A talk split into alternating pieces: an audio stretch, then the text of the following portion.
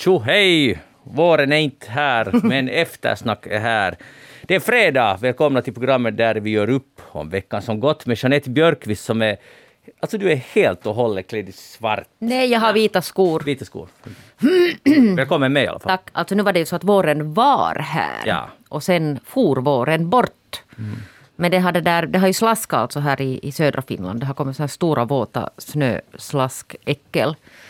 Men vi har väl hört att det är värre ställt på andra håll i landet. Det måste vi ta reda på och därför, endast därför har vi kallat in Elli Flen från Nykarleby med till eftersnack idag. Välkommen med Elli. Nå hej, hej. Jo, här har vi fyra centimeter snö på marken. Och det är för usligt. Häftigt. Har du sett någon åka skidor än idag då? Nej, men man överväger ju. Nej, det här var nog en liten setback. Jag hade fått ett stort dynglast i mitt trädgårdsland som jag hade planerat gräva ner nu under helgen, men jag får väl vänta lite.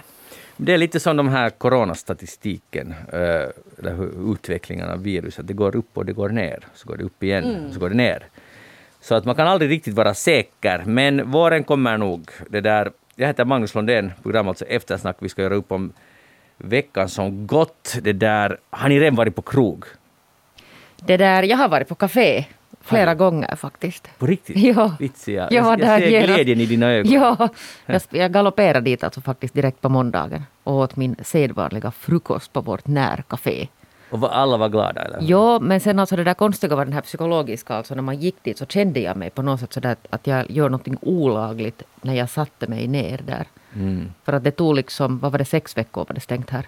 Och det tog exakt så länge att lära sig alltså att bli kuvas till lydnad att man får inte stanna där en sekund för länge. Och så kändes det jättekonstigt att sitta där. Ja, och fast det, inte var, det är ju inte på något sätt Nej, olagligt. det, verkligen inte. Och det var jättemycket människor. Alltså det var Oj. långa köer. Nej, nej, men alltså sådär att, att man kunde ju inte sitta, alla rymdes inte och sitta där sen. Men jag hade fått, och sen var jag så stressad sen att, att jag gör någonting tokigt här. Så, så jag var mycket snabbare än vad jag brukar. Okej, då måste vi kolla hur det är i Österbotten eller i Eller har du varit på café eller krog redan? Jag var faktiskt, jag, jag, jag hade för, alltså det, det är ju inte ofta man är någonstans överhuvudtaget, men i, i torsdag så hade jag ett fysiskt ärende till Vasa. Och så passade jag på och, och ringde en god väninna och vi träffades på ett café. Och när vi väl var där så då, då blev då, det var så pass högtidligt så vi bestämde oss att nej, det här, den här stunden tarvar en skumpa. Så det blev Yes. ett glas skumvin istället för en kaffe och det var så ljuvligt att sitta där ute i solen i Vasa och, och det kändes så nästan overkligt underbart. Ja, det, det- tänk, eh, det som förut var ett rutinärende att gå på café eller på lunchrestaurang eller rent av sitta så där på eftermiddagen på krog. Så det, nu är det en det, det är liksom stor fest. För jag har också, eh, Jeanette, i din stadsdel Töle tillbringade jag uh, tors... Det är ju igår! Ja, faktiskt var jag där igår. Först åt jag lunch, det var relativt mycket människor, men sen försvann folket så jag bestämde att jag skulle bli kvar. Och då såg jag inte bara lyckan, eller kände inte bara lyckan inom mig själv, men ganska nära mitt bord, kanske fyra meter ifrån mig, närmaste bordet med människor, så satt ett glatt sällskap pensionärer. De var, jag skulle säga att de var i 70-årsåldern. Och de var så fnittriga. Och, och drack ganska snabb takt måste jag säga, sitt vin. Och sen tog de drinks på den saken. Och, och så dels, jag fick två uh, sådana här tankar. Ett, att jag vill också bli 70 och vara sådär fnittrig, för de, de såg ut att verkligen njuta av livet. Och B, hur viktigt det är med sociala sammanhang. För man såg att de hade inte träffat varandra på länge och nu fick de äntligen vara, och de började spekulera just där att snart kommer den här så kallade vallomärki, att, men de hinner ännu ta ett par här före det. Och de var faktiskt glada människor och välmående. Åh, vad ljuvligt! Alltså jag fick rapporter från Berghäll här i Helsingfors, en annan stadsdel. Där min kompis berättade att där hade terrasserna också varit alltså ganska fulla. Det var ju vackert väder alltså här i början av veckan när det öppnades. Och så hade alltså människor då beställt in alltså just för att det stänger så tidigt. Man får ju inte beställa. Så det satt alltså människor med sån här tiotals eh, ölstop på borden. Oj, oj. Och i normala fall så skulle jag vilja vara så där att uh, Ja, vet är du, ju- fördöma. Men på något sätt så var jag så, jag var så att, vits jag älskar det här folket. Ja, ser, vet- jag förstår precis, för jag man ser lite mellan fingrarna. Ja. Att Det som man förut tycka att det där är lite, lite nog bekymmersamt. Så nu tycker man att det är, nåja. Ja, men de passar på, de visste att det tar slut sen, vet du, om en timme får man inte beställa, så då tar man fem på en gång. Och tänk dig där i i det här landet, liksom, det tar slut klockan fem. Eller vad är det nu är sprit? Jag vet Ja. inte, men jag tror det är fem eller sex. Det, det, det är på något sätt sån otrolig tillvaro, alltså så annorlunda. Men att det kommer säkert att ändras ganska snart. Men hur är det, Elli, i Nykarleby? Är allt nu öppet liksom? Och håller det öppet till sju, eller hur funkar det? Alltså, med alla, alla de många kaféer och restauranger som vi annars också har, menar du? ja, ja, jag menar just Hur många har ni? Uh, no, vi, vi har väl en pub och en restaurang det, som sådär tekniskt överhuvudtaget skulle ha öppet på kvällarna. Eh, och så är några liksom sommarkaféer. Så, så nej, inte, inte får du dig en öl i, i Nykabi på, på kvällen nu heller. Men, eh, men nu har vi ju några restauranger och, och speciellt att de nu skulle få öppna de här lunchrestaurangerna så blir ju en, ett, ett, ett liksom stort framsteg. Men, men vi är ju kanske inte kända för att vara den där barstaden, men på, på sommaren så det finns faktiskt helt, helt riktigt trevliga ställen, Tullmagasinet och, och Faff, och, och de har trevliga terrasser, så vi hoppas ju att, att till sommaren ska det bli lite liv och rörelse. No, vi har ju faktiskt med Jeanette viss erfarenhet av, av det glada kroglivet i Nykarleby. Så att det där, Nå, det var, just den kvällen så råkade det vara väldigt glatt i Nykarleby när ni var och livade till ja, det, det är en natt Ni man måste sent komma på glömmer. nytt i sommar. Ja, det, du behöver inte övertala mig, jag, jag, jag på, jag är redan på väg. Vi får ta med den där Joel också, för han gjorde riktigt en legendarisk tur där. Jo, det kan man säga. Naja, men hörni, eh, jag läste i HBL en intressant kolumn av Marcus Lindqvist. Då. Han är ju cykelfantast kan. Triathlonist. Ja, och, och med en sportredaktör. Men i alla fall, han skriver om det här, det som vi just talade om, att, att eh, tänk att det är så, att vi kan nu jublas över att vi kan gå på krog och på café, i alla fall så i viss mån, men samtidigt så fortfarande, nu har de ju lite börjat öppna upp, men att vi får inte syssla med sport i lag till exempel, vuxna människor. Och inte heller efter att de här nyaste restriktionerna lättar nu. Är det nu 3 maj som det ska öppna igen eller så här slutet av april. I alla fall i Helsingfors så får man inte göra det. Och, och också över barn och ungas, att det fortfarande finns begränsningar där. Och nu är det ju, alltså om man tänker på det riktigt ordentligt, eller kanske till och med bara en minut, så nu är det ganska intressant att vi har gjort en, samhället har gjort en sån prioritering. Jeanette, har du någon kommentar om det här? Nej, men det är ju som du säger, alltså det, måste, det är ju en prioriteringsfråga på något sätt. Det kom nu också här på, på veckan, så många av mina, jag känner mycket teatermänniskor som hade satt ut alltså bilder där de sitter på terrassen alltså med ett glas vin i handen och sa att här sitter jag nu eftersom inte jag kan vara på jobb. Ja. Men jag tror att den här regeringen kommer att få, och de har ju redan fått ganska mycket kritik för det här, men det här kommer vara en sak som det, som det nog måste diskuteras i efterskott. Att, att, och det måste finnas någon sorts sån här vägplan för hur gör man om det kommer någon ny pandemi? Att vad är liksom prioriteringen och hur agerar vi? Eller du sitter ju med i någon sorts undersökningskommission, eller hur var det nu igen?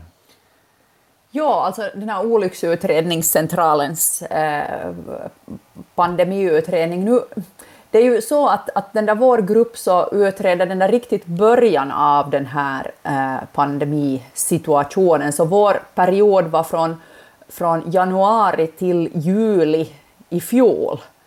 Eh, och då, då liksom, det, var, det var ju inte så där jätteaktuellt vi funderade inte så mycket då, för om ni minns i liksom fjol den här tiden så var alla på något sätt, allt var stängt och, och, och vi, vi fattade allt. All, all, liksom alla var på något sätt acceptera alla restriktioner då, så det, det blev inte så där superaktuellt just den här frågan i, i, i vår undersökning. Nu är den inte klar ännu, så, så jag kan inte desto mera orda om den, men, men det blev inte så stort fokus som det har blivit nu.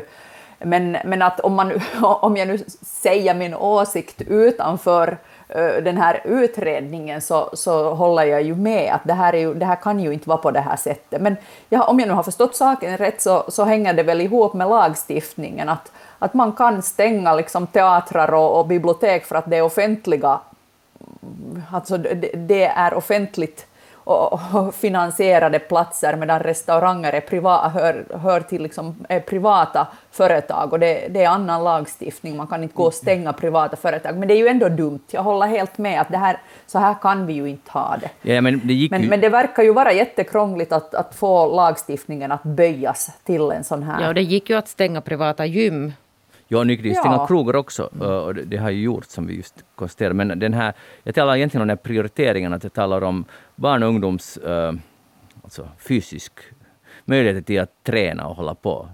Att det, måste, det är nog ett misstag. Alltså, det, det, är inte, det, är, liksom, det är inte vettigt. Och, och, det är bara intressant, jag tror att de flesta håller till och med överens om det, att det är inte vettigt och det är inte rätt. Men, men de får inte liksom fixat. Nu kommer det säkert alldeles snart, snart bli fixat, men sen borde ju också vuxna få...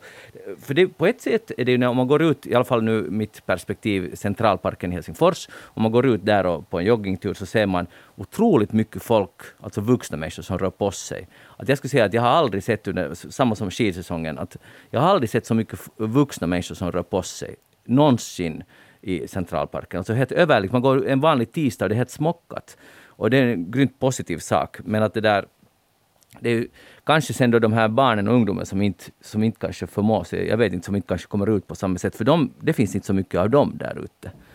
Så det, därför skulle det ju så viktigt den här organiserade verksamheten också, den skulle kunna öppna så snart som bara möjligt. Och just att det skulle finnas åt de, de barn och ungdomar som inte kanske har den här, ska vi säga det här stödet och, och fyrken hemifrån, mm. för att göra det. Att, att, att, det skulle vara viktigt att se till att, att just, just de barn och ungdomar som annars också riskerar att fara illa, att det skulle finnas idrottsmöjligheter för dem.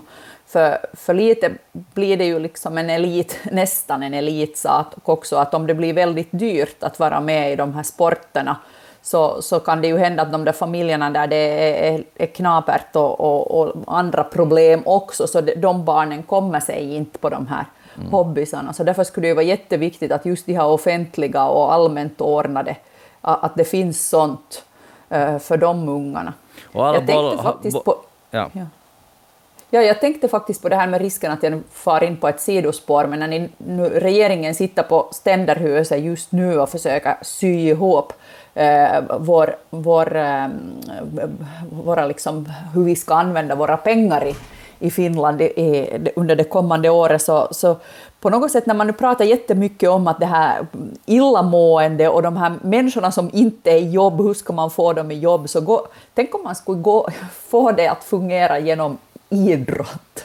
Alltså om folk skulle röra på sig mer så tror jag att de skulle jobba mer också, för vi har ju så fruktansvärt mycket arbetsoförmögna, alltså som har ryggproblem till exempel, jätteunga människor som är överviktiga och har ryggproblem och, och, och skulle man kunna, om det skulle finnas mer gratis idrottsmöjligheter, om läkarna skulle få ge recept på motion istället för bara mediciner, och om, om det skulle finnas liksom mer på något sätt accepterat det att, att, att röra på sig och sporta så skulle också göra att du är, att du är starkare i arbetslivet. Ja, alltså, ja. jag tror att, att... Hälsningar till ständerhuset bara. jag tror att det för många är, är det där... Eh, att om, man, om en läkare säger att du måste börja motionera, du måste börja löpa, så, så det, tröskeln kan vara ganska hög. Utan jag, jag skulle säga istället att ge ett recept på att gå på en timmes promenad varje dag, eller börja med en halvtimme, börja med en kvart för, för många är det där idrottande, det blir en prestation och man, man, känner sig, man orkar inte, man vill varför ska jag göra det, på, vad kan det ha för nytta? Jag tror att många tänker så där. Fast man vet på ett plan att det är jättehälsosamt och, och sen att hjärnan klarnar. Man får ju mycket bättre tankar ofta efter att ha varit, gjort något sånt. Så jag håller helt med om det där men, men, men jag är inte säker på att om man säger att börja gå, hördu, nu ska du börja gå i gym och då, då blir allt bra. Jag tror inte det funkar på det sättet. Man måste börja väldigt... Nej, nej, man måste ju börja på den nivån som den där människan är och det, det, är ju helt självklart. Men att man ens skulle få prata om det, för nu, nu finns det ju inte ens i verktygsbacken för läkare. Och sen sägs det ju att, att en promenad i skogen, förutom för Jeanette men för alla andra, att det är liksom att det är grejen. Att, att man mår bra redan av att gå i en skog. Och, och det, ja. det snackas ju mycket om att, att det borde ordiner, ordineras istället för medicin, i alla fall i en viss mån i vissa situationer. Det skulle kunna vara en smart lösning. Ja, sen måste man nu komma ihåg att det finns alltså motion av oändliga mängder alltså, och slag. Mm. Att om någon till exempel då tycker, som någon kan tycka att det är lite tråkigt att, att springa ut och jogga eller gå ut på en promenad i skogen eller var som helst. Så det finns ju alltså andra, men då borde man få tillgång till en instruktör som kan lite liksom guida en i vad det finns för former att röra på sig som kanske är roligare för någon än att springa. Absolut. Ja. Du kan få remiss till en fysioterapeut, så varför kan du inte få remiss till en PT? Mm. Exakt, det skulle vara en ganska bra idé. Och tänk, det skulle inte vara så dyrt egentligen i längden. Om man tänker att mediciner kostar en och sen blir det, och man är inte säkert ens leder liksom rätt i längden och man kan, måste äta resten av livet. Så att, ja, det är sant att det där skulle kunna vara ganska smart rent ekonomiskt också. Men sen alltså, när vi talar om löpning till exempel, eller om friidrott, att det finns ju fullt av idrottsplaner i det här landet som står gapande tomma. Alltså Djuran i Helsingfors, där är nog lite folk, men att, jag har varit mycket på mindre orter. Och de är oftast, det är faktiskt ganska lite människor där, om ens någon. Men där finns de alla. Jag menar att det finns ju nog möjligheter, men människor på något sätt, det lockar inte. Nej, men sen måste man vara lite driftig också. Man kan inte alltså fördöma människor för om, om det är så liksom att man inte hittar på att vad ska man alltså göra där. Så då måste man ju det där... Liksom, man borde få någon hjälp. Plus att alla kanske inte tycker om från skolan den här idén att, att man ska hålla på med någon friidrott. Nej. Hej, vi går vidare. Torven är ju nu hett ämne, bland annat inom regeringen, och det har skrivits mycket om det. Och därför är jag väldigt tacksam till faktiskt nu till Svenska Yle. Niklas Evers och Tino Oksanen har gjort en, en video. Vad är torv? Jeanette, vad är torv? No, torv är sån här torv. Ja, men vad, alltså, som, som jag, jag smutsar ner. Retas, utan för jag... Som smutsar ner jättemycket. Det är Tack. Elli, vad är torv? No, det är nu det där som jag odlar mina tomater i. mm. no, det är nu bra att ni inte jobbar på någon sorts torvinformationscentralen, för att det där Torv är ju då uh, tydligen mm, alltså förmultnad mossa och lite ja, buskar och skräp. lite ja, som har blivit i, i, liksom i vatten, så det är så halvförmultnat. Och det har ofta liksom flera hundra år har det hållit på. Det kan vara flera meter tjockt, uh, djupt. Så det är alldeles ett fascinerande ekosystem. Men i alla fall, uh, nu grälar de där torven, att, att, för man dikar ju bort den där fukten därifrån och så får man en massa som man kan bränna för energi bruk. Och, och det här tycker ju Centern om, därför för att det finns typ 2000 jobb som berörs av det här, medan gröna är super emot det här, för att det höjer Finlands koldioxidutsläpp ganska rejält. Mycket mer än, än nyttan, så att säga. Om det påstås att det var 3 procent av vår energi fås av det här, och, men det är 10 procent av koldioxidutsläppen. Så nu, eh, och nu har det blivit så dyrt att använda Eh, torven för att det är stigande priser på utsläppsrätter och det betyder att torvproduktionen har minskat betydligt snabbare än vad regeringen hade tänkt sig. Det skulle vara halva till 2030, men nu har det gått mycket snabbare och nu är Centern sur på grund av de här jobbsakerna. Och därför grälar de. Och den här videon som finns på Svenska Yle förklarar, och jag älskar sånt för att man, det är en sån fråga som man inte riktigt fråga att vad är torv? Jag frågade just, men det är bara för att jag råkar nu veta det. Men förut så jag skulle inte riktigt vara säker vad är det egentligen de grälar om. Men nu finns den här informationen. Nå, då är min fråga till er, vad tycker ni nu, man ska, nu när ni är så experter på torv, vad, vad ska vi göra med den här situationen, Elli? Alltså med, med torv för energi... Ja. Förbruk, ja. Nej, alltså, mm, no, ja, förstår väl delvis att det finns, eller jag förstår att det finns de som inte är så pigga på det här och jag finns att, vet att det finns till exempel mycket växthus som har sina uppvärmningssystem så de, de bränner de här torvbriketterna och det, det kommer att bli dyrt att göra om. Men i förlängningen så är ju inte det här hållbart. Eh, jag, jag, tror att vi måste bort från det och, och hitta renare energiformer. Så, så nu det kommer att göra lite ont. Det finns de som inte tycker om det, men det är ditåt vi måste. Ja. Bort från torven på sikt. Och jag kan helt hålla med. Jag, jag är inte säker att man måste göra det på sikt, utan ganska snabbt.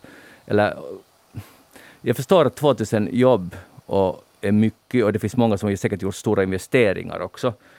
Men det måste, det jag tycker att det här coronaåret har visat det att, att när, när det är kris så kan man uh, kan staten göra stödsatsningar för en näring som lider till exempel. Och här ska man ju faktiskt kunna bestämma om ganska stora ersättningar. Att, att satsa på ny, någon annan förny, förnyelsebar energiform istället. Och ni får det liksom subventionerat rakt av eller vad, vad som helst. Ja, stöd i att ta fram det där också för att det är ju den där att om man ska liksom sadla om plötsligt så behöver man ju kanske stöd på den processen, att hur man sadlar om. Ja, men det måste ju gå. Jag tycker att det året har visat, fast det har gått trögt ibland med de här stödsystemen, så det har ändå gått att genomföra. Och nu kan man göra under behärskade former. Det är ju inte liksom det är inte så att det måste imorgon den här stödformen vara fixad, utan man nog borde komma överens om det så skulle alla så att säga vara nöjda. Ja, sen har jag förstått att det finns jättemycket pengar alltså att hämta i sådana alla möjliga nya lösningar. Mm. Där Finland då är säkert bättre än vad vi riktigt förstår ens att, att ta fram alltså nya lösningar som alltså har efterfrågan ute i världen också.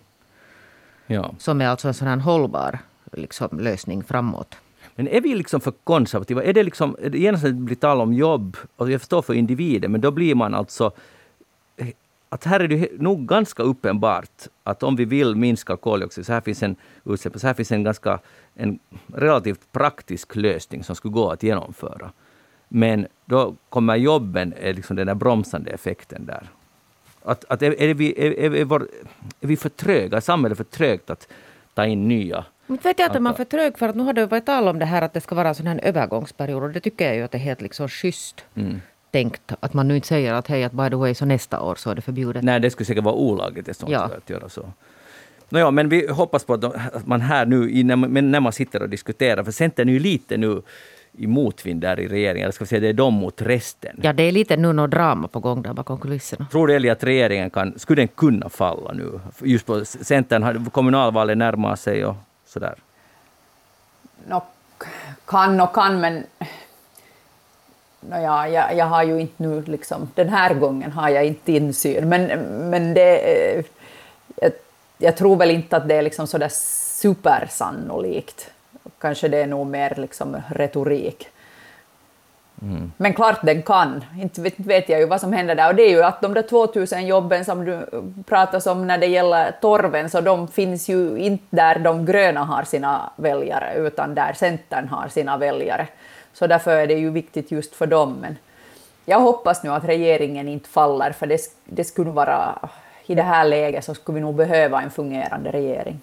Ja, och det är mycket symbolik också i det att, att om Centern måste böja sig där, så jag tror inte det bara handlar just om de där 2000 jobben, och, och det handlar om mycket mer att Centern måste vika sig för vänsterregeringen minus SFP. Och det, det, är väl det som där också skon klämmer. Och, och sen också hur mycket uh, ska statsskulden öka och så vidare. Det finns sådana frågor som också Samlingspartiet kommer att mobba Centern för om de går med på allt för mycket. Så det där ja. kanske i, en nötskal. Hej, uh, det har varit mycket snack om munskydd. Och jag men, nu menar jag inte att ska man ha munskydd eller inte, utan jag menar att det, hur det skräpar ner. Jag läser en artikel i Österbottens tidning där de har gått omkring i Karleby och plockat upp munskydd, städat upp. Och det är alltså hisnande mängder som, som man hittar. Och ni har säkert också uh, stött på, på munskydd. Det finns ju överallt på gatan Massor. i Rännstenen. Och här är någon kille, Matti, som hade där under... Han har plockat upp 2088 munskydd i Karleby under våren. Alltså en kille har plockat upp och nu, Jeanette, tänkte jag att du skulle få lite uppfostran nu. Vad ska man göra nu med det här munskyddet? Ska man kasta det i rännstenen eller ska man inte? ja, alternativet är ja, rännstenen, det ska man ju inte göra. Och, det där, och sen har jag nu kommit fram till det att, att, att i Helsingfors eller liksom vilka som helst städer där det finns ganska små öppna roskisar, som det alltså inte heter på svenska, men vi säger nu roskisar i alla fall så ska man kanske inte sätta dit dem heller för att de här fåglarna går ju och river ut saker därifrån. Och där kommer alltså ut också vad jag vet en massa munskydd som sen blåser alltså iväg. Att jag tror inte att det är liksom bara det heller att människor går så där de tar av dem och släpper dem där de går. Mm. Utan, utan de kommer ju liksom, de fraktas ju dit också från alla möjliga andra håll. Men det där, nej, man ska ta det där helst och så går man och för det till sin hemmaroskis som man sen knyter ihop och slänger. Tack. Och, och det är ju Alltså för jag har hört nu, nu två olika källor, det tar typ 400 år för en sån här en enskild ansiktsmask att, att förmultna. Jo, och, det och, och, fakta är det att det finns alltså en massa, det finns redan alltså jättemycket bilder av fåglar till exempel som trasslar in sig i de här. Ja, det är, en, det är hemskt. Men alltså jag bara funderar på att vi använder nu dagligen en produkt som vi uppmanas byta hela tiden. Jag förstår det att man ska använda nya. Men man kan ju faktiskt tvätta de här engångs, också de här engångs i, i maskin och det, det, tror jag är ganska fiffigt. Men i alla fall att vi använder en produkt som vi vet att det tar 400 år att förmultna. Jag tycker det är helt absurt. Det är en kiva present till kommande generationer att, att, att de kommer eventuellt att spöka fortfarande då. Och just när vi har haft så mycket snack om plast på kassen och, och det har i alla fall i Europa har det blivit lite så att det, det, ska man ju inte använda alls, fast vi nu ändå använder extrema mängder plast. Men så kom just efter det kom den här produkten. Jag menar senast idag, det här är nu min andra mask som jag använder idag. Och, och, och när alla gör det över hela världen, nästan alla. Mm. Eller hur ser det ut i Nykarlebys gator? Är det, är det liksom så att det finns överallt, de här, det här skräpet? No, om nu inte överallt, men nu ser man ju dem lite här och var.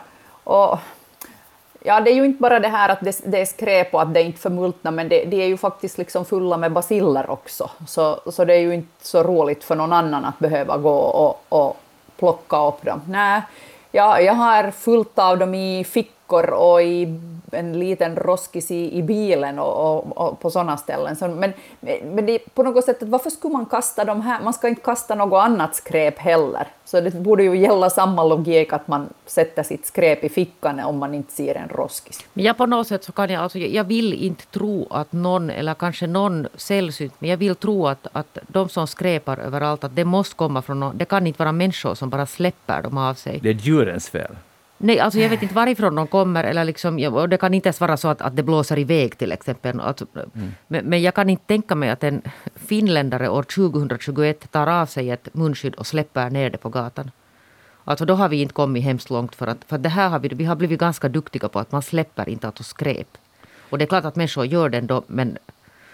Alltså, vet du vad? Alltså jag, jag skulle så vilja att du har rätt, men jag läser den här ÖT-artikeln. Så här berättar de om Eh, årskurs 3 och 4 Kyrkbackens skola. Och de har provat på plogging som innebär att man går lite och småspringer och plockar upp skräp. Då. Och, och så eleverna, um, det fanns mycket skräp. Vi fick nästan 30 påsar fyllda med skräp under ploggingturen. Vi gick i två grupper längs Fabriksgatan från Snellmanssalen och, och, och till Kipparihallen.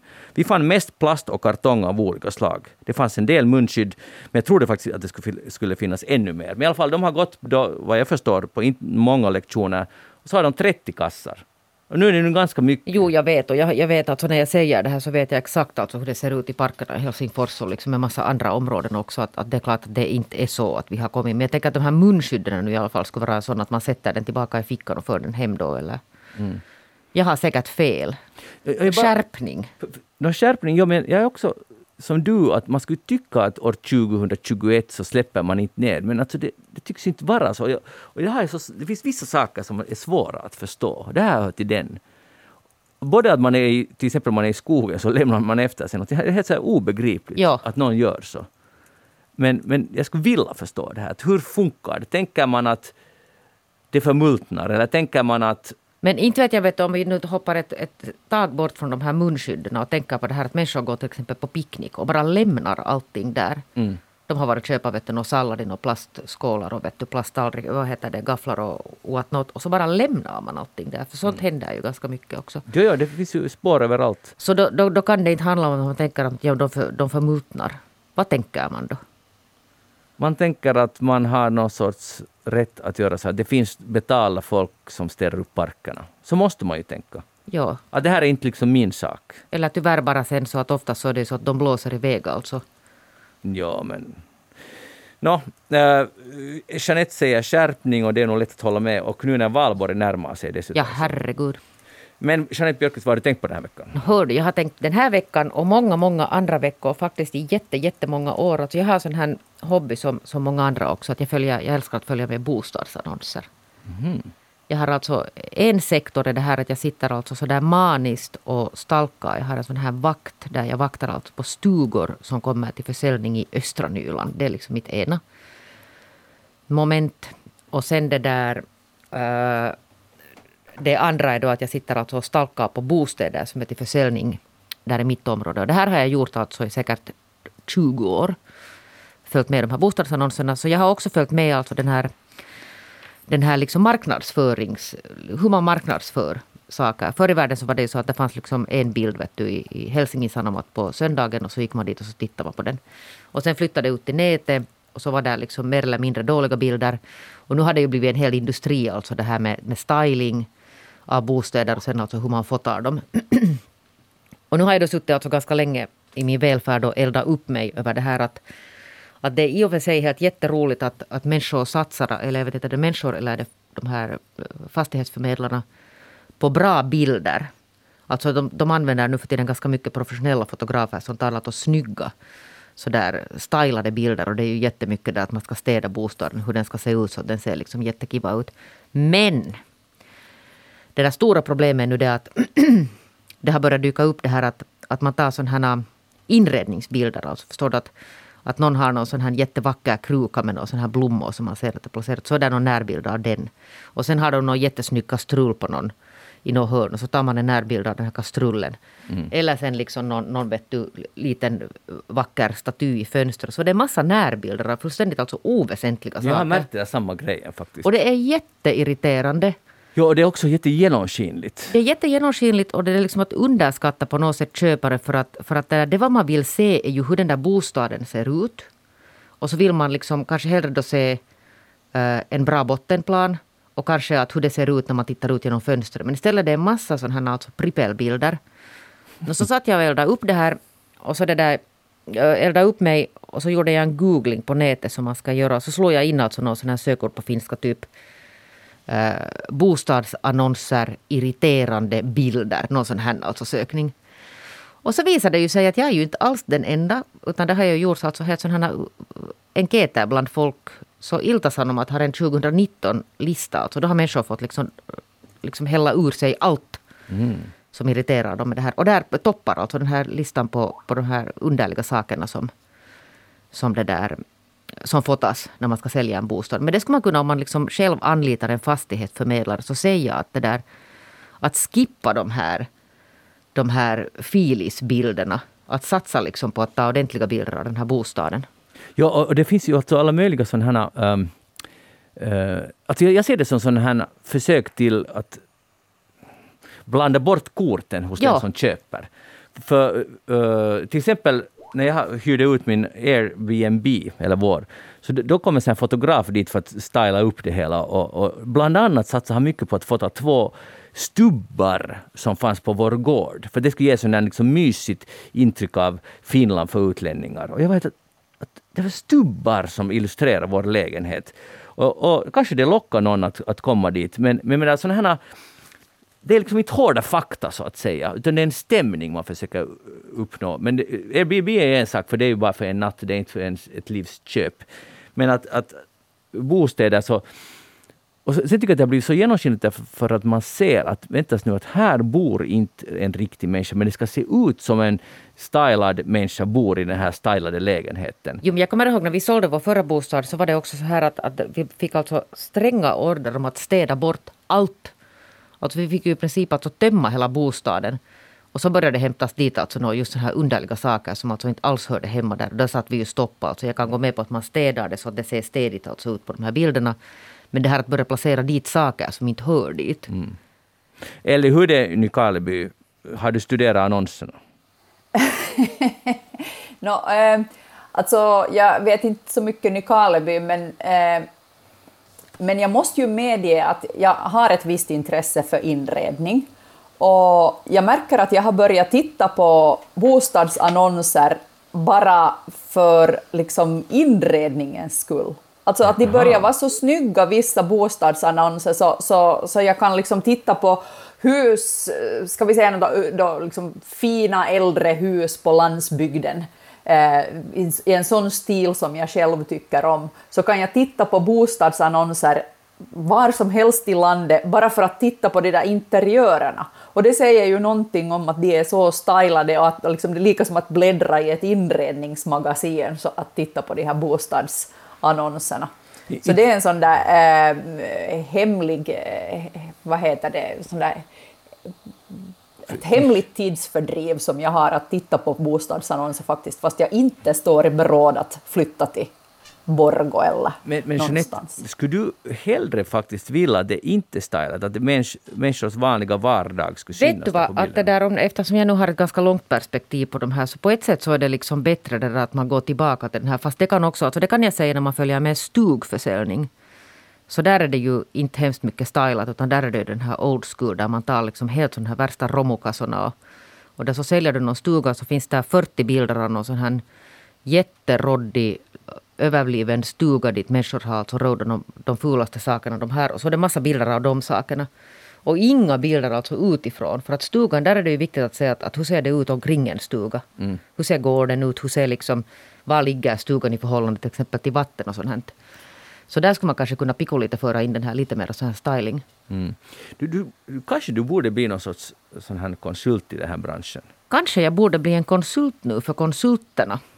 Konsult för konsulten, det skulle vara helt bra. Ja, det finns säkert någon konsult som har sagt att så här ska vi nu göra, att nu ska vi börja styla. Förstås har det, eller inte vet jag om det är en konsult, men det är någon sorts um, skola. Liksom att så här är det det görs idag.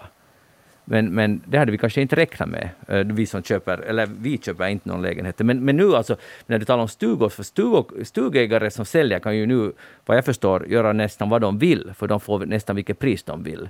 Det beror väl lite på var den finns, den där stugan. No, säkert, men jag menar, nu går ju stugor åt. Om vi jämför före coronan, vi vet det här för ett och ett halvt år sedan, så, så stugornas pris rasa. Men jag liksom... säger det där att om man vill sälja sin stuga, så satsa mera på att ta bilder utifrån än inifrån. Särskilt om det är så där att man inte har använt den där stugan på 15 år.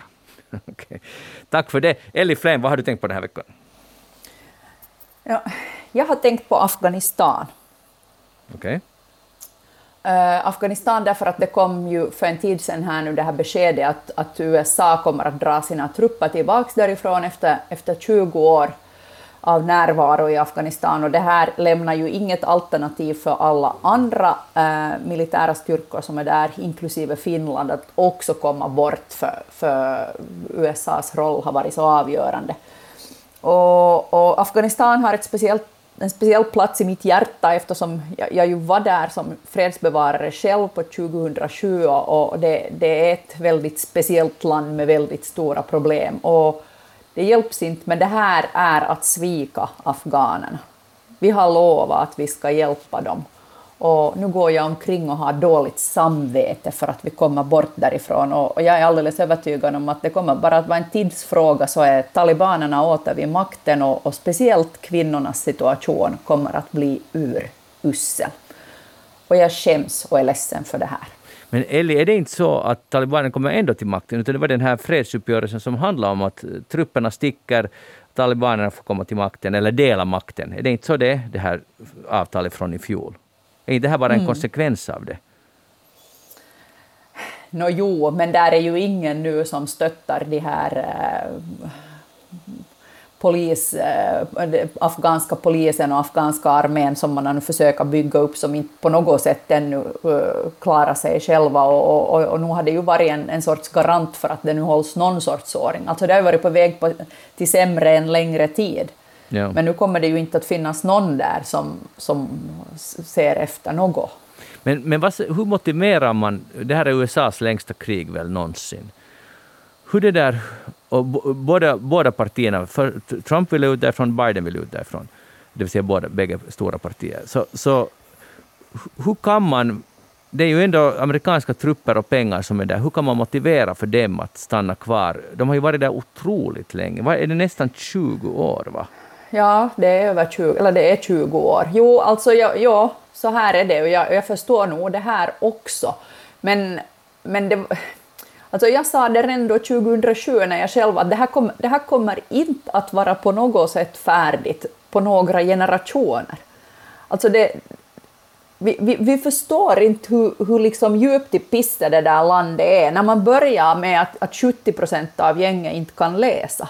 Mm. Så, så det finns så fruktansvärt mycket där att göra och att liksom ändra det där mindsetet och få människorna att, att lita på någon sorts lag och ordning och få till något som en, en första tillstymmelse till lag och ordning, så det är inget man gör på 20 år. 20 år är superkort tid i en, en sån, ett sånt ställe där, där, du på riktigt måste börja med att, att sätta barnen i skola och sen först när de där barnen har växt upp så finns det någon sorts hopp om att, att vi kanske börjar liksom ta steg mot demokrati. Och det, det, det räcker inte med militära styrkor utan där skulle ha behövts mycket mer stöd för det här civilsamhället. Och sen had, var det ju förstås att, att liksom de här grannländerna eh, inte, inte tog sitt ansvar. Eh, så, så det, det, var liksom bara för stort och invecklat problem och militären var inte de rätta att reda upp det ensam. Men militären behövdes där som garant för att någon annan överhuvudtaget skulle kunna våga vara på plats. Mm. Och nu, nu lämnar vi dem. Nu är de i pisse igen och, och, och får reda sig själva och det kommer inte att bli bra och det kommer att bli en säkerhetsrisk för Finland också. Och de som liksom lider först är de afghanska kvinnorna. Suck! Suck, ja. Uh, landet har ju, måste ju också lida av en ganska stor järnflykt. Alltså att, ja. att folk, vem vill, som bara kan, sticker ju därifrån. Det måste ju vara så. Att, att om man har en möjlighet att fly någon annanstans så... För, för, det är ju inte ett säkert land att bo i, Kabul till exempel. Bland annat så, så de som är på flykt just nu är journalister. Speciellt många kvinnliga journalister kommer bort därifrån, de som bara har liksom råd. För, för det de, de, har ju liksom funnits skilda, eh, skild skottpeng på just kvinnliga journalister och det har dött massor av journalister nu bara under det här året, under fjolåret. Jag kommer ihåg, jag läste för kanske fem år sedan, jag tror vi hade uppe det i eftersnack också, så var det eh, Storbritannien satsar någorlunda mycket på, på skolor just för flickor. De liksom byggde upp någon form av nätverk. Eh, det var nu kanske inte exakt så, men det var i alla fall en stor satsning. Och sen bestämde de bara på kort varsel att de slutar med det här. De lägger ner projektet och så stack de bara därifrån. Alla hem och plofs, allting lämnades. Och jag tror att de där skolorna måste stängas just för talibanerna tycker ju inte om att flickor går i skolan. Så var det slut på det. Det var bara en fem, tio års projekt där det funkar och sen funkar det inte. Men du, eftersom jag aldrig har varit i Afghanistan så kan du, sådär som var där torv, förklara åt oss hur kan talibanerna ha så mycket, en, någon, någon form av understöd i landet? För att jag menar, så som vi ser det så kan de inte föra med sig något gott, men någonting har de som appellerar. No, alltså, du får hjälpa till här Jeanette, för du har ju också varit i Afghanistan vet jag, på, eh, på, på, på jobbresan. No, alltså det, vi, vi förstår inte det här liksom riktigt, för att um, jag menar, vi är vana vid att vi, vi går till val och så väljer vi våra ledare, men det funkar inte så i Afghanistan. I ett samhälle som, det finns inget liksom, fungerande centralstyre, utan det, livet är väldigt lokalt och de där byarna är, alltså utanför Kabul är otroligt isolerade. Dit går inte liksom vägar och, och, och det går inte... Och så så det, den som bestämmer är den där som är starkast lokalt. Och, och, och det, det, funkar så att den som använder det hårdaste våldet så är den som bestämmer. Och, och väldigt ofta då så är, så är det liksom en, en, en, en lokal talibanledare eller en, en lokal, ett, något helt vanligt rövarband. Det är inte alls alltid ens en, äh, talibaner, men det är liksom ett sånt där konstant köpslående mellan olika lokala äh, våldsgubbar och, och, och, och, och, det mycket liksom baserat på våld. Den som slår hårdast den som håller liksom folk i järnhand med fysiskt våld så de bestämmer. Punkt ja, och då måste vi komma ihåg att där är alltså, just som Ellie sa, där är så många som inte alltså till exempel är analfabeter. Mm. Mm. Att den, där, den här som vi kan sitta här i en studio i Böle eller, eller i Finland och, och kalkylera så där alternativ. Så, så nu talar vi om människor som alltså inte har liksom ett perspektiv att sätta någonting till. Att, att man är uppvuxen i sån här... Det har pågått så länge någon form av konflikt eller krig i det här landet. Att där finns ju alltså... Jag vet inte, att finns där en enda av dem som har någonsin levt alltså liksom en fredlig, lång fredlig period. Där man liksom på riktigt lär sig att det finns alternativ. Att hej, att det där är inte okej att man att, att de här liksom våldsamma typerna styr nu. När det inte finns liksom ett alternativ. Mm. Utan det är så det alltid har varit. Var det inte i så fall tiden före Sovjets invasion? Ja, men vem kommer ihåg vet du, den? Nej, nej jag, jag förstår det. Men menar, nu har, tänk så många stormakter som har försökt så att säga fixa till Afghanistan. Storbritannien, Sovjet, något, USA. Ja, men Ellie var inne på något jätteviktigt, att det är helt säkert så att det behövdes alltså militär närvaro där. Men det där att man borde ha satt in alltså annan anna, liksom annat stöd till det här civilsamhället för att allt kan inte militären och ska inte heller göra. Mm. Nu har eh, Ellie lite problem med sin mikrofon. Vi ska se om hon hörs fortfarande. Är du med oss, Ellie, fortfarande? Ja, jag hör, hoppas att jag hörs på något sätt. Ja, det hörs alldeles bra. Fortsätt bara. Nå bra. Jo, jo, det är just så här som Nette säger, att, att, att det, det knepiga var ju att, äh, att det gick inte att köra helt liksom fokusera på det här civila, alltså just på skola och, och hälsovård och det här humanitära, äh, därför att det var och är så jäkla farligt.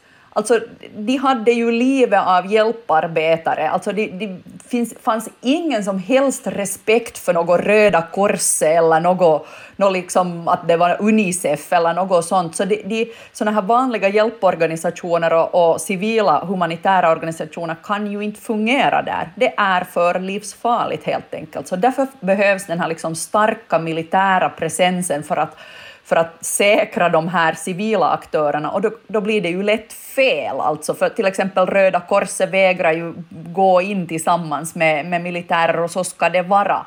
Men, men det, det blev liksom för svårt för de här civila aktörerna samtidigt som det desperat skulle ha behövts ett sånt avmilitariserande av det där landet. Otroligt knepigt alltså. Jätteinvecklat och inte en chans att få ordning på det på 20 år. 20 år var jättekort tid Nej, men det ett säga, perspektiv. Hur man kan tänka på det för att det kommer ju liksom har kommit och kommer fortfarande alltså flyktingar därifrån. Eller i alla fall alltså människor som söker asyl på olika grunder. Och, och där finns ju liksom på något sätt någon, någon, någon hopp alltså i den gruppen. Att, att om de får alltså erbjuds trygga möjligheter att utbilda sig, eh, ta del av alltså demokratier i olika former alltså runt om världen och sen kanske de när den här viljan att åka tillbaka och få ordning på sitt eget land. Men det är också alltså, det är ingenting som händer på två eller tre år. Nej, men vem vill nu återgå till ett land som, där talibanerna har tagit makten? Alltså no, säkert har... ingen, alltså ingen vill ju återgå till det. Plus att alltså, jag menar, människor far ju därifrån av en orsak. Men det är ändå liksom på något sätt där jag också ser att, att, att där finns där finns liksom potential säkert bättre än det att, att det där Finland eller USA eller whoever far dit med, med militär. Men alltså jag vill bara sen, till sist säga att, att det är ju ändå skattebetalarens pengar i något land som ska betala det här. Då måste liksom samhället prioritera att okej, okay, Afghanistan ska vi hjälpa. Jag tror att det blir ganska abstrakt, till exempel USA som har börjat betala största delen.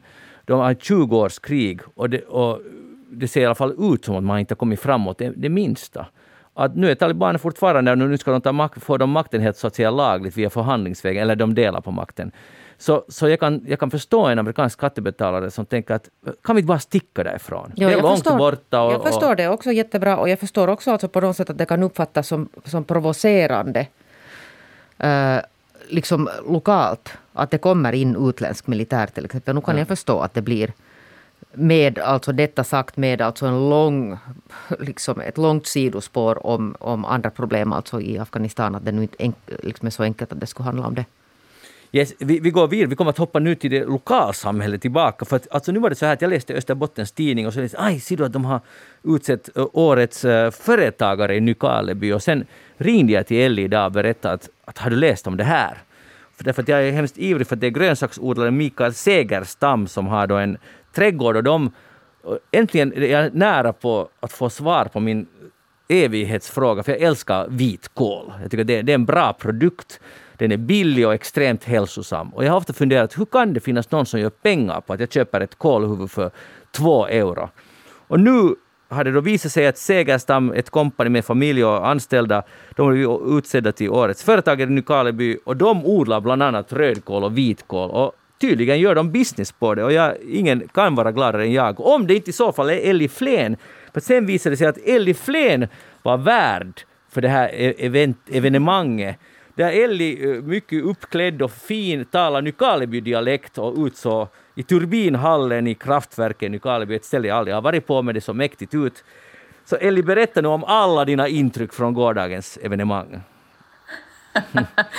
Vad härligt att du har sett på uh, Nykarleby stads företagarfest. Ja. Uh, ja, det är alltså en fest som, som vi har varje år och den är, brukar ofta vara välbesökt. Alltså vi brukar ha upp till hundra Nykarleby-företagare på, på det här kalaset och det brukar vara ett, ett väldigt uh, omtyckt mingel. Nå, nu var det en sån här coronavariant precis som det är på, på allt annat. Men men ja, faktiskt. Mikael och Annina Segerstam blev eh, valda till, till årets företagare och de, de var ju riktigt eh, trevligt gäng och, och, och, roligt att få en sån här. Jag visste inte att 10 procent av all odlingsareal för rödkål så var i Nykabi, eller då Nykabi med lite omnejd. Jag älskar så, det så där. nästa gång du äter rödkål så är det med liksom stor sannolikhet från Nykabi. Eller med, i alla fall med 10 procent, så det räcker för mig. För att, jag menar, rent som finlandssvensk vet man att man existerar men ändå hör vi bara till 5 procent. Så, det, så, att, så att, att grejen den att näst, jag tänker idag gå och köpa en rödkål och jag tänker intala mig att den här kommer direkt från Nykarleby. Du kan ju bara testa läsa vad det står på den också. Så det är just det, de säljer till partihandeln, har jag lärt mig. Så det, det står inte... Ja, men han, han sa faktiskt att det står på lådorna. Så du, när, när det kommer till butiken så vet de nog om det är från Nykabi eller inte. Så du måste be din lokala köpman att kolla på lådan. No just det, de älskar besvärliga kunder här i Helsingfors. Nu tycker jag börja kräva. Jag vill veta varifrån vitkålen kommer och rödkålen kommer. Och kräva att de börjar nu det där sälja från Nykarleby. Jo, jo, förstås. Mm. Ja, men det är ju det som är hela syftet med det här. Det där, äh, fantastiskt, men får jag fråga, Eli, du talar ju då en riktigt tydlig Nykarleby-dialekt. Är det någon sorts policy att, att kom ihåg att värdinnan måste, måste sen tala dialekt för att alla ska känna sig hemma? Eller vad är grejen där? Ja, och nu var det ju inte en Nykarby-dialekt utan det var Munsala-dialekt. Men kan du lite prata, kan du svara på den här frågan på den där dialekten? Ja. Det är det minsta man jo, kan kräva. Jo, det kan jag om ni vill. Eh, jag har som princip att då jag pratar innanför Nykarby kommuns gränser så kör jag på dialekt om jag bara passar för arrangören. Och den här rollen så hade jag ju nog för att jag är ordförande för näringslivskommittén i Nykarby. Och därför var jag konferencier, konferensiär eller programledare för den här tillställningen och då kollade jag med Tendiader att är det okej okay att jag kör det här på dialekt som jag brukar, då är inom Nykabi. Och jag visste ju att tittaren skulle till 97 procent vara nykabiboar, så då brukar jag köra på dialekt, för det är som är vårt språk. Men det där var ju jättetydligt. Alltså var det där nu verkligen så att du inte försökte förtydliga det här för oss? Nej, det var nog alldeles just så läs som jag pratar. Det är ju helt jättelätt att förstå. Ja, men nu har jag hört ser du, Elli Flen och Anki Holm prata dialekt och det låter inte riktigt så där kan jag säga. Aha, det här var så försök, eller vad ska jag säga, tror att det var, det var lite som när någon dansk försöker vara snäll och tala riktigt långsamt och tydligt ändå. Men det var hyggligt av Elli att vara snäll mot oss. Men, men, kan, det, kan det bero på att Anki och jag har kanske liksom druckit något glas vin de gångerna? Nej, det har ju aldrig hänt. men, men Elli, är det är alltså företagande i Nykarleby, är det liksom någonting som man ska vara extra stolt över? Är det så att Jeppis har också årets företagare och Vasa har sin och, och har alla, Larsmo har sin, har alla, liksom, är det, eller är det något speciellt just för er? No, alltså, nu måste jag säga att jag håller inte riktigt reda på de här grannkommunerna, om de har sådana här pris eller inte. Men Nykabi så har vi nog utsett årets företagare i, jag skulle säga att åtminstone 20 år, om inte mycket längre. Och, och det är nog en sån där tradition varje, varje år och, och, jag tror att folk till och med lite väntar på det, att den kommer den där nyheten. Och det, jag tycker att det är bra, ett bra sätt att uppmärksamma, för det finns faktiskt riktigt superintressanta företag i Nykabi. Så, så det, jag tycker att det är en rolig tradition. Prima. Och, och, och, just att det framställs, i, i alla fall det här årets val, så här vettiga saker. Rabarber har de också. Och så vidare. Så det, här, det här ligger, hör du, Jeanette, i tiden. Mera kål åt folk. Jo, jag är helt med dig. Och just surkål, tycker du om surkål? Surkål? Ja. Nej. Det är ju också kål, men det är surkål. Jo, men jag tycker inte om sur, jag tycker om sån här råkål. Ja, det är nog det bästa. Mm. Ellie, äter du surkål?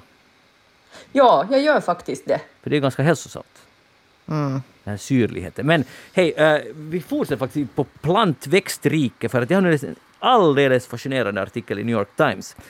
Där alltså de berättar om en, ett projekt som började för 142 år sedan. Så fanns det en kille som heter Williams James Beale i Michigan. Och han, uh, ja, han jobbar på universitetet där och han äh, grävde ner äh, otaliga flaskor med frön, inte otaliga, men många flaskor med frön äh, djupt ner i marken på ett hemligt ställe. Och, det där, och sen äh, hade det liksom gått efter, från generation till generation.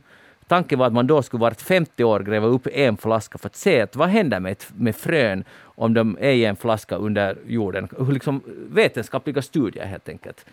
Och sen äh, märkte de att, det här projektet fortgick och alla var jätteivriga för det är bara några få som blir invigda i det här. Så nu har de, gör, de, gör de det vart tjugonde år. Och de har gjort det nu alltså i 142 år. Och nu igår var den stora dagen när fem utvalda människor med pannlampor äh, mitt på natten gick till ett hemligt ställe med en karta och började gräva. Och det var lite katastrof för de grävde på fel ställe först. De missade med en halv meter. Och de trodde att någon tjuvar hade fått reda på var alla fröna finns. Men sen hittade de rätt ställe och, och plockade upp en flaska, där, där, flaska med frön. Och nu ska de uh, så de här, eller få dem att försöka se att börjar de att växa igen. Det är olika grässorter och, och sånt här. Och jag bara tänkte att, att redan det där får mig att jag, jag ångrar lite, jag borde ha blivit forskare. För tänk att vara med på någonting som har pågått i 142 år. Och sen, ja, nu särskilt på slutet. Ja. Att du inte var den där som då startade då. Ja, eller den andra, det ska vara lite liksom, ja. ingenting värt. Men, men, men att, eh, och nu får de viktig information och det här, de är lite oroliga för att det här ena fröet Vänta, nu har jag faktiskt skrivit upp det. Ja, kungsljuset växer riktigt bra, men det var det andra, pärlhirse, ett sånt högt gräs. Det har de inte fått att växa sedan 1914, när de tog upp 1914. Då, då växte men efter det har det inte funkat mera. Och nu försöker de kunna komma underfund med vad är det som har gjort att frön... För det här kan man då på något sätt använda, jag vet inte hur, men på något sätt i forskningen och i mänsklighetens överlevnad, att, att hur frön beter sig. Och jag bara vill ägna en tanke till William James Beale. Att, att en människa bestämmer att jag ska göra ett sånt experiment och nu fortgår det. Men vi kan lite recall den här, din egen, ditt eget lilla projekt som tyvärr gick på tok, den här med ditt rostbröd som du skulle följa med också. Ja, det är sant, det är ju helt samma sak. Ja. Jag, jag är egentligen en forskare, det är det du menar. Mm. Det där, eller blir du avundsjuk, eller liksom knäckt på att du inte blev forskare nu när du hör sådana här no, jag bedriver sån där anpassad forskning här i mitt eget trädgårdsland. Jag hittade bland annat en rad med palsternackor som jag hade glömt bort i höstas och nu har jag härmed bevisat att eh, det, palsternackor övervintrar helt bra i, i frusen jord och går helt bra att äta nästa vår. De är garanterat inte lika goda och smaskiga som Segerstams eh, palsternackor, men, men, men det gick att äta. Men Elli, får man göra sådär? Alltså är du säker att det är okej, okay, godkänns en sån här palsternacka som har övervintrat? Är den liksom fräsch? Ja. Godkänt och godkänt om man nu äter den själv, okay, så tror no. jag inte. Jag, jag frågar någon. Men blir det här en bra säsong för dina växter, din, dina odlingar? För det, det är ju ganska på mode nu det här med odling och nu måste du svara snabbt. Ja, jag tror det blir ett prima odlingsår. Fantastiskt. Jeanette, vi väntar på att se dig med fingrarna i myllan. Jeanette Björkqvist, tack för att du var med här. Elli Flen, tack för att du var med från Nykarleby. Jag heter Magnus Lundén och programmet alltså Eftersnack. Vi är tillbaka genom en vecka. Men gå in på eftersnack, ja, facebook.com streck eftersnack eller e-posta oss på eftersnack Hej då, ha det bra!